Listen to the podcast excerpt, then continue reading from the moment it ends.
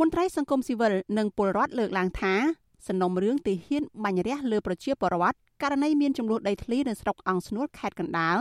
ប្រសិនបើប្រមុខរដ្ឋាភិបាលលោកហ៊ុនសែនចេញមុខប្រតិកម្មដោយសំណុំរឿងខ្លះទៀតនឹងអាចឈានទៅដល់ការវែកមុខរោគយោធាដៃដល់មកផ្ដន់ទាទោស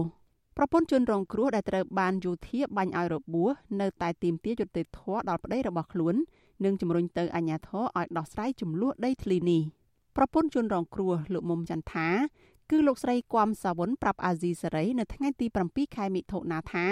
ពេលនេះលោកស្រីកំពុងស្នាក់នៅមណ្ឌលចាត់តលិស័ករងចាំលទ្ធផលធ្វើតេស្តរោគជំងឺ Covid-19 ក្រោយរោងចក្រដែលលោកស្រីធ្វើការមានអ្នកឆ្លងជំងឺនេះលោកស្រីថានៅមិនទាន់ទទួលដំណឹងពីរឿងដែលមន្ត្រីយោធាបានបាញ់ប្តីលោកស្រីឲ្យរងរបួសនោះថាត្រូវសមត្ថកិច្ចរកឃើញឬមិនទាន់រកឃើញនៅឡើយទេ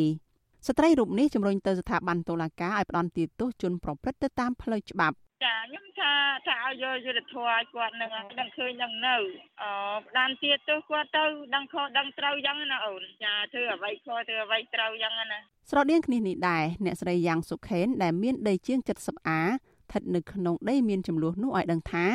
អញ្ញាធរខេត្តនៅមិនទាន់បង្ហាញដំណោះស្រាយណាមួយឲ្យប្រជាពលរដ្ឋបាននៅឡើយទេ ពលរដ្ឋរូបនេះថាលោកស្រីមិនចង់បានអ្វីក្រៅតែពីដី ដែលលោកស្រីកំពុងធ្វើស្រែនេះទេលោកស្រីយល់ថាសំណុំរឿងនេះប្រសិនបើថ្នាក់ដឹកនាំប្រទេសរួមមានលោកហ៊ុនសែនឬក៏លោកសខេងចេញមុខរកយុត្តិធម៌ជូនប្រជាពលរដ្ឋប្រហែលជាអាជ្ញាធរថ្នាក់ក្រោមអាចដោះស្រាយបានលឿននិងអាចផ្ដល់យុត្តិធម៌ជូនដល់ពលរដ្ឋបាន។ ខ្ញុំចង់ឲ្យសម្ដេចសម្ដេចចខេងទៅដែរសម្ដេចហ៊ុនសែនដែរចេះឮថាខ្ញុំស្ដាប់ព័ត៌មានក្នុងរ៉ាឌីយ៉ូក្នុងអីហ្នឹងថាជួយជួយហ្នឹងមកចាំមើលផ្លូវហ្នឹងមកចាំមើលដំណោះស្រាយហ្នឹងគាត់គិតអាម៉េចគាត់និយាយអត់សម័យកូវីដអត់មានហ៊ានដើរចេញទៅណារស់ស៊ីអីហើយឥឡូវអត់បានធ្វើស្រែក៏មានអង្គុយមើលមុខគ្នាឥឡូវហ្នឹង កាលពីថ្ងៃទី3ខែមិថុនាពលរដ្ឋជាង300នាក់បានលើកគ្នាទៅខាត់គ្រឿងចាក់ដែលក្រមយោធាបំរុងយកទៅឈូសឆាយលើដីស្រែដែលកំពុងមានទំនាស់ជាមួយប្រជាពលរដ្ឋ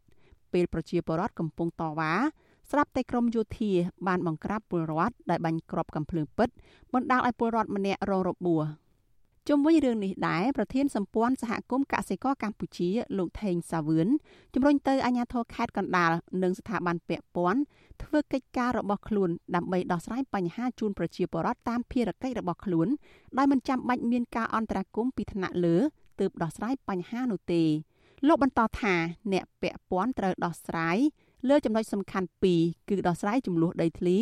និងត្រូវមានវិធានការផ្លូវច្បាប់ទៅលើយោធា ដែលបាញ់ពលរដ្ឋឲ្យរបួសនៅក្នុងករណីចំនួនដីធ្លីនេះ។ជាជាថាយន្តការឬក៏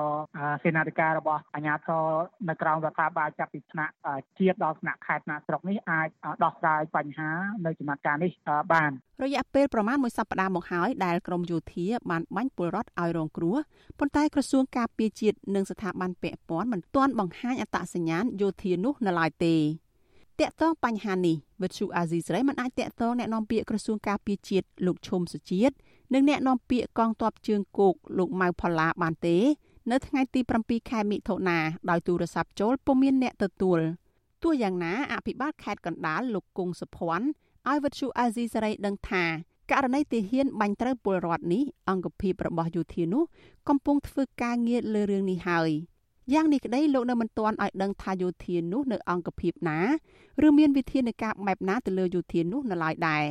លោកគ្រាន់តែបញ្ជាក់ថាយោធានោះគឺជាកងទ័ពជើងគោកលោកអភិបាលខេត្តដដែលឲ្យដឹងទៀតថាក្រៅពីមានវិធានការលើយោធាពេលនេះសមត្ថកិច្ចក៏កំពុងកសាងសំណុំរឿងស្វែងរកពលរដ្ឋដែលបានកំទេចគ្រឿងចាក់ អញ្ចឹងរបួសហ្នឹងគឺគាត់ខ្លាតក្របហ្នឹងវាបុកទៅខាងក្រោយមិនមែនចំពីមុខទេមុខខាងក្រោយអាគាត់មនុស្សគាត់គាត់ឈរនៅខាងក្រោយអ្នកក្រុមស្រែកទៅនៅឈរលើផ្លូវបេតុងបាទអញ្ចឹងឃើញមែនបាទដល់ឃើញមែនក៏ឥឡូវនេះជាក់ស្ដែងគឺពិតជាត្រូវអញ្ចឹងមែនហើយលោកគង់សុភ័ណ្ឌអះអាងថាពលរដ្ឋដែលរបួសដោយត្រូវគ្រាប់កំភ្លើង បានព្យាបាលហើយហើយនឹងអាចវិលទៅផ្ទះវិញបានដែរចំណែកការដោះស្រាយបញ្ហាដីធ្លីលោកថា អញ្ញាធិបផ្អាកការឈូសឆាយទៅលើដីមានចំនួនហើយគណៈកម្មការអន្តរក្រសួងកំពុងខិតខំដោះស្រាយគោលនយោបាយដីធ្លីជូនពលរដ្ឋក្រមពលរដ្ឋឲ្យដឹងថាពួកគាត់បានធ្វើស្រែចម្ការលើដីចំនួនជាង30ឆ្នាំហើយប៉ុន្តែទើបតែមានចំនួននៅក្នុងឆ្នាំ2020ដោយសារតែយោធាចោតប្រកាន់ថា